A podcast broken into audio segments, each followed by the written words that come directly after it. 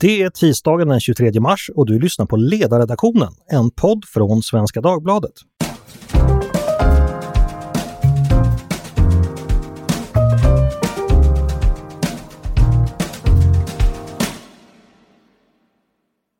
Hej, varmt välkomna! Mitt namn är Andreas Eriksson. Jag ska börja med ett citat som låter så här. För att bidra till att reparera den ekonomiska och sociala skada som coronapandemin har orsakat har EU-kommissionen, Europaparlamentet och EU-ländernas ledare enats om ett återhämtningsplan som ska leda oss ut ur krisen och lägga grunden till ett modernt och mer hållbart EU. Detta är hämtat från EU-kommissionens hemsida och det som beskrivs är den så kallade återhämtningsplanen eh, som EU har bestämt sig att den ska genomföras. Den ska vi prata om idag med oss för att göra det har vi Gunnar Hökmark, mångårig ledamot av Europaparlamentet för Moderaterna. Välkommen hit Gunnar! Tack så mycket! Och Pasi Huikuri som är internationell sekreterare i Moderata ungdomsförbundet. Välkommen du också! Tack så mycket! Den här planen har tidigare kanske inte varit så jätteomskriven i svenska medier, men eh, debatten har kommit igång nu. Men det är möjligt att inte alla lyssnare har full koll, så jag ska bara kort beskriva vad det handlar om. Den beskrivs som det största stimulanspaketet hittills och omfattar totalt sett ungefär 750 miljarder euro, eller drygt 7500 miljarder svenska kronor. Eh, den som har svårt med så höga siffror kan tänka sig att det är en bra bit över den svenska BNP och att den svenska statsbudgeten brukar vara på ungefär 1000 miljarder varje år. Alla länder ska godkänna den här planen och imorgon är det den svenska riksdagens tur. Passi, du eh, tillhör de inom Moderata ungdomsförbundet som har skrivit en debattartikel i helgen där ni uppmanar ert modersparti Moderaterna i riksdagen att rösta emot den här planen. Varför tycker ni så? Nej, men vi ser att den här planen tar EU i helt fel riktning. Det fördjupar samarbeten på helt fel områden. Eh, både, jag och, både jag var kritisk förra sommaren och även MUF då. Min företrädare var kritisk till paketet när det förhandlades i EU. Det är nu det ska ratificeras. Att det är ju sista chansen vi har att säga nej. Eh, och vi ser att det här tar stora federala steg i, i Europa. Vi har den Europeiska centralbanken som vill se att, permanent, att återhämtningsfonden görs permanent. Vi ser EU-parlamentet som redan börjar diskutera EU-skatter för att kunna finansiera den här fonden. Så vi, vi tycker att här är en gräns nådd för oss. Vi vill inte se det här paketet gå igenom. Gunnar, håller du med Passi och hans medförfattares analys om det här paketet? Ja, nej vill jag gärna säga därför att det här är ett paket som jag inte tycker blev bra. Den stora debatten var ju i somras.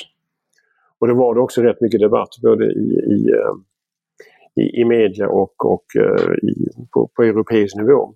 Ett problem där var ju att, att uh, Sverige som tillhörde de som kallas de frugala, Det är ett uh, fina ord för snåla, uh, ehm, agerade ju väldigt reaktivt och aldrig proaktivt. Det var framförallt eh, Österrike och Holland som, som drev på i en annan riktning. Det rimliga hade varit att, att eh, paketet hade sett ut egentligen tvärtom. Det finns eh, logiska skäl till en viss bidragsdel och jag kan gärna komma tillbaka till det. Men det mesta skulle, borde ha varit lånefinansiering. Inte minst eftersom eh, det hela bygger på lånefinansiering. Men debatten var då och eh, det som jag tror de flesta var överens om oavsett hur man tyckte innehållet på paketet skulle vara. Det är att, att det behövs ett paket. Och Det är ingenting konstigt därför att är, vi har sett i USA hur eh, mycket stora stimulanser har varit. Vi har sett i alla europeiska länder. Och det finns också en logik att om man har en inre marknad som säger nej till statsstöd så måste man också se till att det finns någorlunda jämna villkor för de länder som inte hade några möjligheter till statsstöd överhuvudtaget på grund av sin finansiella situation. Jag tycker paketet hade fel inriktning men vi lyckades, de länder som var mest emot och Finland anslöt sig också, lyckades förändra det. Vi fick in eh, rättsstatsprincipen och en kontroll på hur pengar ska användas. Vi fick in att eh, det inte bara var bidrag utan en väsentligt större låneandel än vad förslaget var från början. Och, och, och, då fattades ett beslut. Och då är min enkla reflektion att vill man kunna vara med och forma beslut på europeisk nivå så kan man inte sen plötsligt hoppa av när man hamnat i det som är den slutändan av en mer formell ratificering. Därför att det politiska beslutsfattandet var vi till slut med på. Eh, man kan tänka sig att man säger nej men då ska man ha klart för sig att då kommer man inte kunna påverka så mycket annat. Så Passi och hans eh, kollegor i Moderata ungdomsförbundet, de är helt enkelt fel ute? Eh, jag, tycker inte, jag tycker de har... Eh, jo, men när det gäller just att säga nej nu, de är för sent ute. Ja, ja, det tycker jag var fel. För den debatten den hade vi i, i somras och jag tycker dessutom att så som Europa ser ut, då skulle de geopolitiska och politiska konsekvenserna bli väldigt stora om inte det blir någonting alls nu. Och kontentan av den situation vi är i idag, ja, då blir det ingenting alls. Och det, det ska man ha klart för sig. Det får återverkningar på södra Europa. Vi vet att Putin och Kina driver på väldigt mycket med, med vaccin. Ni kan tänka er vad de skulle göra om en stor del av återfinansieringen faller helt och hållet. Därför att det är det som är poängen. Nu finns inte optionen att ta ett bättre paket utan nu är det ett paket eller inte ett paket alls. Och då är de politiska och geopolitiska konsekvenserna så pass stora så jag tycker inte det är eh, ansvarsfullt men däremot tycker jag det är bra att man har en kritisk debatt om politikens utformning och den måste vi fortsätta föra.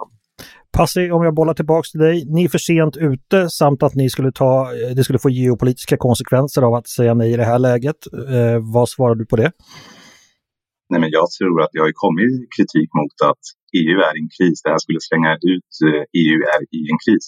Den Europeiska unionen har varit i en kris de senaste 11 åren. Vi hade en finanskris som sen blev en eurokris vad, vad vi vet vad som hände med grekisk ekonomi. Vi hade en migrationskris och sen en brexitprocess och nu en pandemi om Sverige alltid ska vara tysta för att vi är i en kris, för att det finns en geopolitik i förändring, ja, men då kan vi ju aldrig sätta ner foten.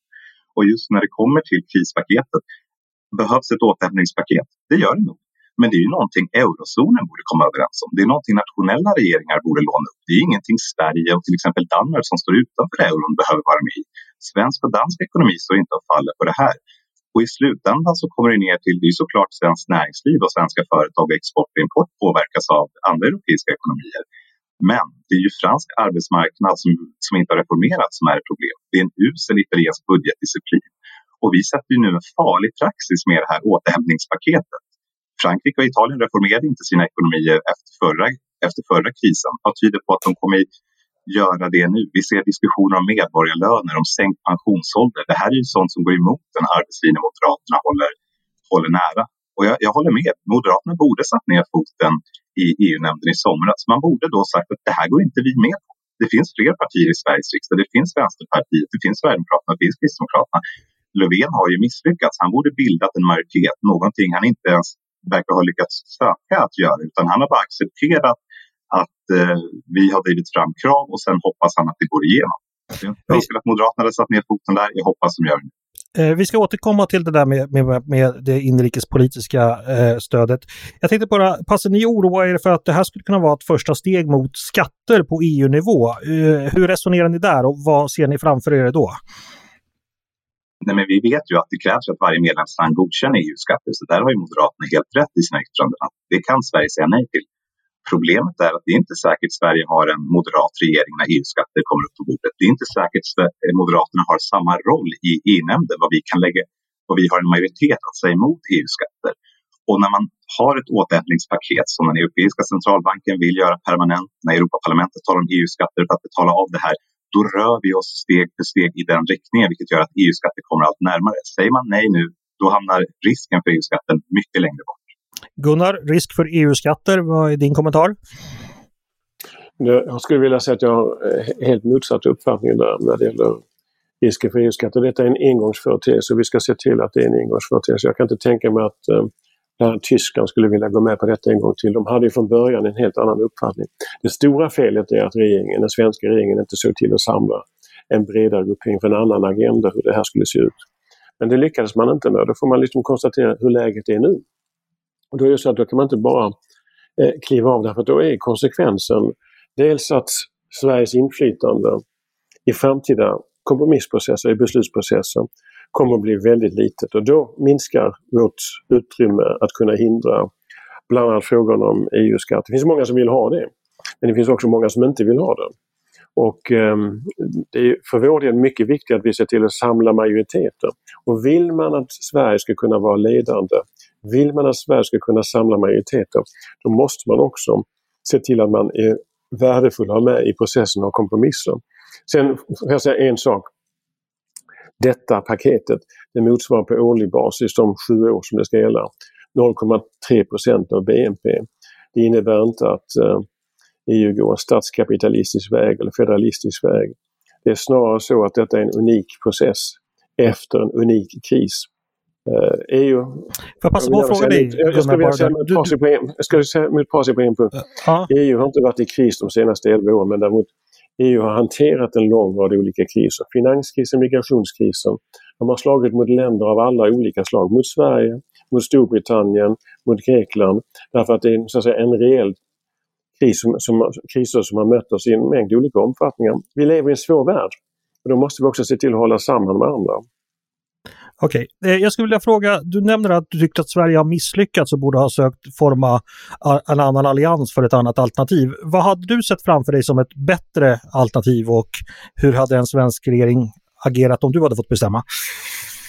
Då, då hade man byggt upp det kring att eh, dels så skulle det vara en, en huvuddel av lånefinansiering. En, en viss del hade kunnat vara bidragsfinansiering av det skälet att om vi på den inre marknaden ska tillåta statsstöd, för det är det väldigt mycket det har handlat om.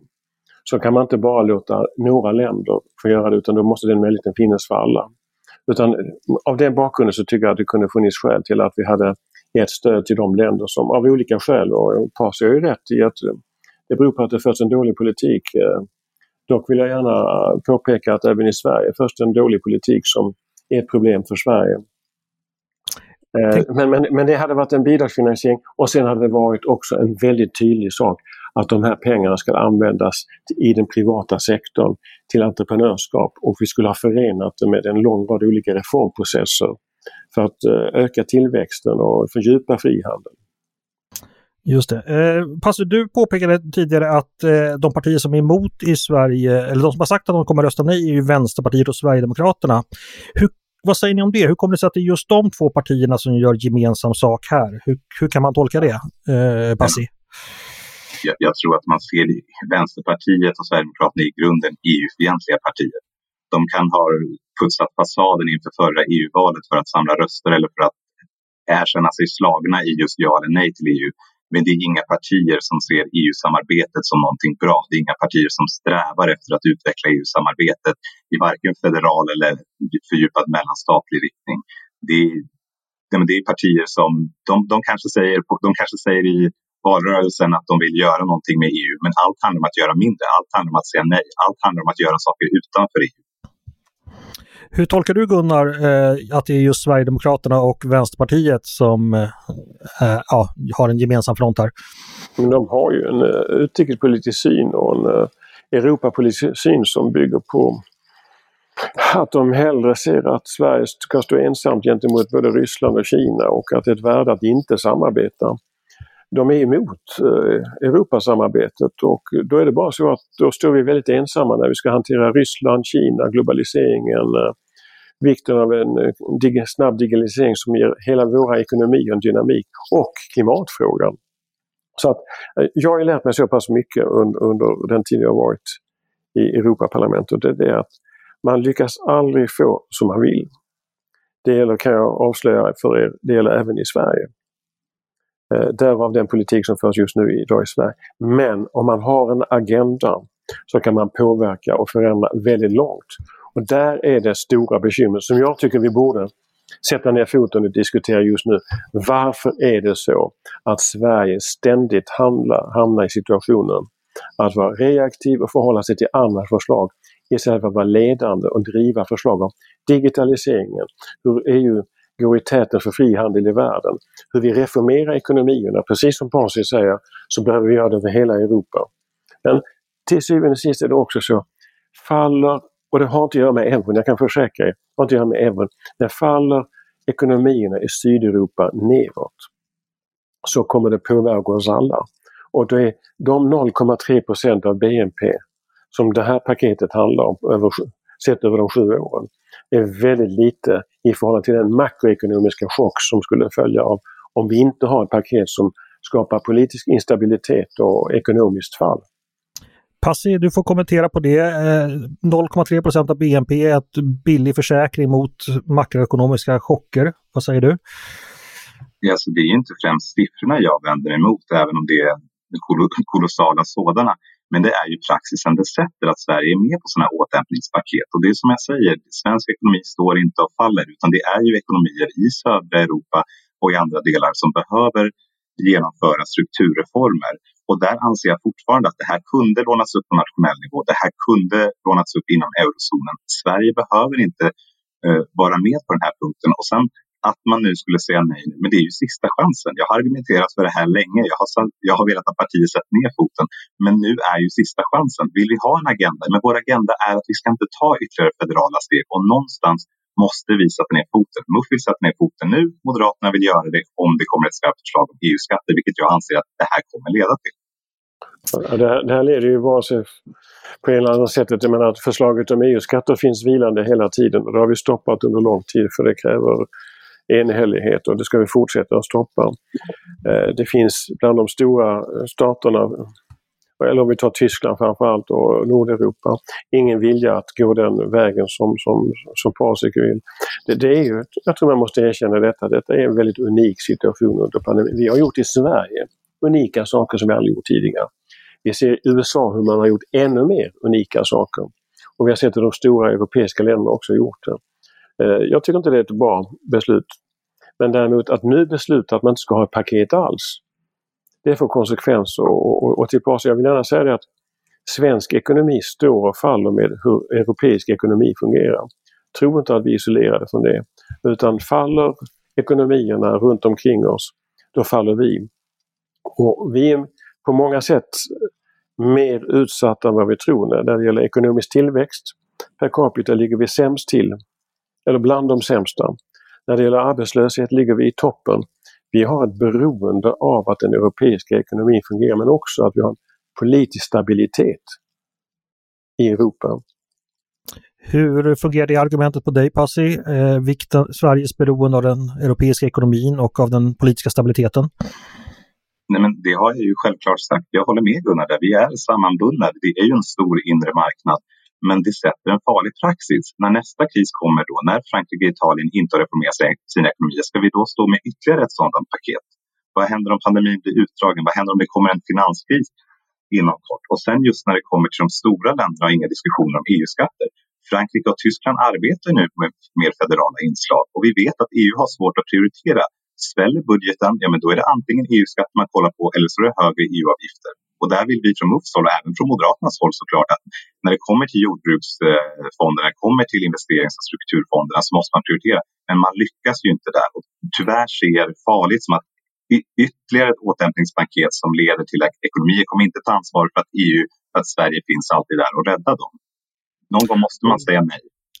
Och om, om vi har nya kriser, och det kommer vi ha, vi kommer ha många olika typer av kriser så kommer det skärpa behovet av att Europa kan hålla samman. Därför att tron på att Sverige kan hantera stora globala eller europeiska kriser på egen hand. Det kan Sverigedemokrater och det kan vänsterpartister tro. Det kan vänsterpartister som gärna öppnar upp för ett delat Europa och, och som inte ser det ryska hotet. Det kan de säga. Det kan Sverigedemokrater säga som, som tror av något skäl att vi kan klara oss helt och hållet själva i den värld vi lever i. Men om man inser behovet av att kunna hålla samman, då måste också sammanhållning i sig ges ett värde och då måste man också leva upp till de beslut man har varit med om att fatta. Därför att annars så kommer man att ställa sig vid sidan om alla de frågor som Pasi tar upp nu och jag håller med om dem. Men, men om vi ska kunna ha inflytande på de frågorna, när det gäller politiken mot Ryssland, när det gäller att fördjupa den inre marknaden, när det gäller att ha en digitaliseringsprocess som är offensiv, när det gäller att eh, se till att vi i Europa väljer frihandelns väg. Och om vi ställer oss vid sidan om det, då är det andra krafter som kommer att styra. Och, och, och då kommer vi öppna för ännu fler kriser. Hörrni, jag, jag läste en annan debattartikel om det här eh, paketet som också publicerades i Svenska Dagbladet. Det var Alexandra Leonard som är forskare i nationalekonomi vid Svenska institutet för Europapolitiska studier. Hon skrev så här, jag ska citera henne. Eh, för första gången i EUs historia finansierar EUs medlemsstaters utgifter genom gemensam upplåning. Detta förändrar EU i grunden och i praktiken rör vi oss mot en gemensam finanspolitik. Oavsett om den gemensamma upplåningen är bra eller dålig för EU så gäller det att hänga med. Sverige kan inte stoppa utvecklingen. Eh, jag tänkte fråga er båda i turordning, delar ni den här bilden att det är ett så avgörande steg? Eh, jag kan börja med dig Pasi. Nej, jag tror alltså att vi inte kan stoppa utvecklingen. Det är såklart vi kan stoppa utvecklingen. Vi kan ju lägga ett veto, men sen är frågan, det är precis som Gunnar nämner, vad är vår agenda? Första halvåret 2023 tar den, nästa svenska regering över ordförandeskapet i, i EU. Vad vill vi? Har vi diskuterat det? Vad vill Moderaterna? Vad, vad vill Socialdemokraterna? Vad vill Sverige? Och liksom, det är såklart det är såklart vi inte kan stoppa en utveckling om vi inte har en egen agenda att gå efter. Och den agendan måste ju någonstans vara att sätta ner röda trådar och se vad vi, vi ser. Men vi vill ju se en större inre marknad. Vi vill se eh, mer, mer, hand, mer handel mellan länderna. Vi vill se fördjupade försvarssamarbeten på vissa punkter. Men det här framhävs ju inte. Och jag, jag håller med om att det är synd att det blir att debatten handlar om det här. Men jag är glad att debatten vad heter det, finns. För den väcker ändå frågan framåt, precis som du nämner. Vad är utvecklingen? Jag tror vi kan stoppa utvecklingen. Framförallt så kan vi rikta den åt rätt håll. Vad säger du Gunnar om det här, eh, den gemensamma upplåningen och att det gäller att hänga med? Sverige kan inte stoppa utvecklingen. Ja, det, dels är det inte rätt att EU inte har lånat upp eh, tidigare men, men det, det, det är ett större eh, tag än man gjort tidigare. Och det beror på att det är en unik situation och, och dessutom på att det fick, blev ett beslut som jag tycker fick fel inriktning. Men, men, men, men jag skulle vilja säga att vår uppgift, och det måste vi komma ut ur, får inte vara att hela tiden tycka att vi ska stoppa. Vi ska driva saker och ting och sen får andra försöka stoppa oss. Och Det är det som jag vill slå vakt om. Vi ska se till att driva frågor. Och, och jag är, det kan jag gärna säga, hela den här processen nu senast när det gäller stödpaketet, Sveriges passivitet och frånvaro i diskussionerna. Det är det problemet som vi egentligen borde sikta på. Sverige som lanserade den sociala pelaren som nu har lett till att riksdagen får förslag som alla vill rösta emot. Det är det som det handlar om och vilken agenda vi ska ha. Därför att ett problem är att vi på något sätt ständigt förhåller oss som att EU är de där borta. Istället för att vi inser att Europeiska unionen är vi. Och att det är vi som ska driva det. Jag, jag, jag, alltså, Sverige har visat från gång till gång att vi har kunnat påverka agendan. Vi har kunnat, eh, när det gäller fisket, vilket är en liten fråga, förändrade vi. När det gäller östra partnerskapet satte vi agendan. Så att jag skulle vilja att vi slutar tänka på att vår uppgift är att stoppa saker därför att då kommer vi sitta fast i försöken på att trycka på stoppknappen hela tiden. Utan vi ska trycka på driv i rätt riktning och se på de andra länderna göra. Och så ska vi bygga upp allianser med länderna i norra Europa. Med eh, de baltiska länderna och med Tyskland som till mycket stor del normalt tycker som vi. Så att jag, jag tycker att vi ska inte ha den här defatismen utan vi ska driva det och fundera på varför gick det fel den här gången? Varför blev det inte bättre? Det är den riktiga diskussionen. Passiv, vad säger du? Nej, men jag håller helt med Gunnar. Jag, jag skrev förra året redan att vi bör söka stöd hos Baltikum. Vi bör söka stöd hos de här frugala fyra som de kallas. Men ibland måste man säga nej. Ibland måste man sätta ner foten om det går åt fel riktning för att påverka agendan. För att säga att det här är inte det EU Sverige vill se. Vi vill se en utveckling, men det här är åt helt fel håll. Nu måste vi dra i bromsen. Och jag tror det. Det är ju såklart, för att återkomma till det, vi tar över ordförandeskapet om knappt två år.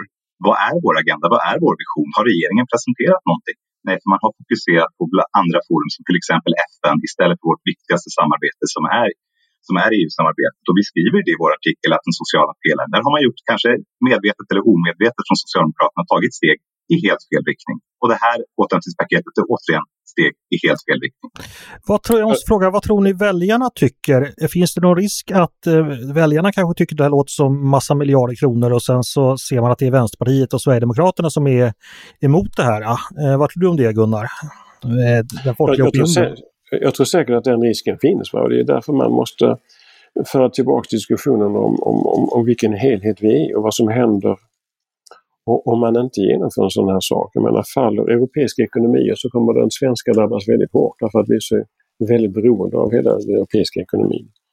Men, men, men jag skulle vilja eh, påstå en gång att, jag sa precis nu att eh, inför det svenska ordförandeskapet, nej, ordförandeskap har mest en symbolisk betydelse. Vi ska sätta agendan från nu.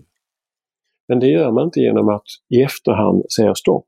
Utan det, det hade vi kunnat göra i våras genom en regering som drev en frisk linje och vi hade kunnat, och vi bör göra det nu inför alla kommande frågor, men vi ska inte nu bränna vår möjlighet att påverka andra därför att då kommer vi inte vara med i den beslutsprocessen. Och då kommer väljarna bli ännu mer irriterade. Passi, har du någonting att kommentera där? Nej, men det är ju inte bara regeringen som kunde sagt nej i våras. Det är Moderaterna som kunde sagt nej. Man satte inte ner foten. Hade man gjort det då så hade inte vi stått här och varit på debattsidan några dagar innan för att kräva att man röstar nej. Och jag håller inte riktigt med Gunnar där. Det är såklart vi sätter agendan nu. Det var ju precis det jag sa.